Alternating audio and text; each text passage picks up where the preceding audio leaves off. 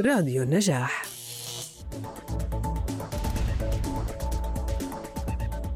يعقد مرصد الحريات الإعلامية مؤتمر تحت عنوان الإعلام وحرية التعبير حيث يهدف المؤتمر إلى تسليط الضوء على واقع الإعلام وحرية الصحافة وحرية التعبير في اليمن بشكل عام كما يتناول المؤتمر قضايا مختلفة من خلال جلسات متفرقة ينعقد المؤتمر بصورة افتراضية عبر الإنترنت وذلك يومي الأربعاء والخميس الثامن والتاسع من ديسمبر كانون الأول في تمام الساعة الثالثة مساء بتوقيت اليمن.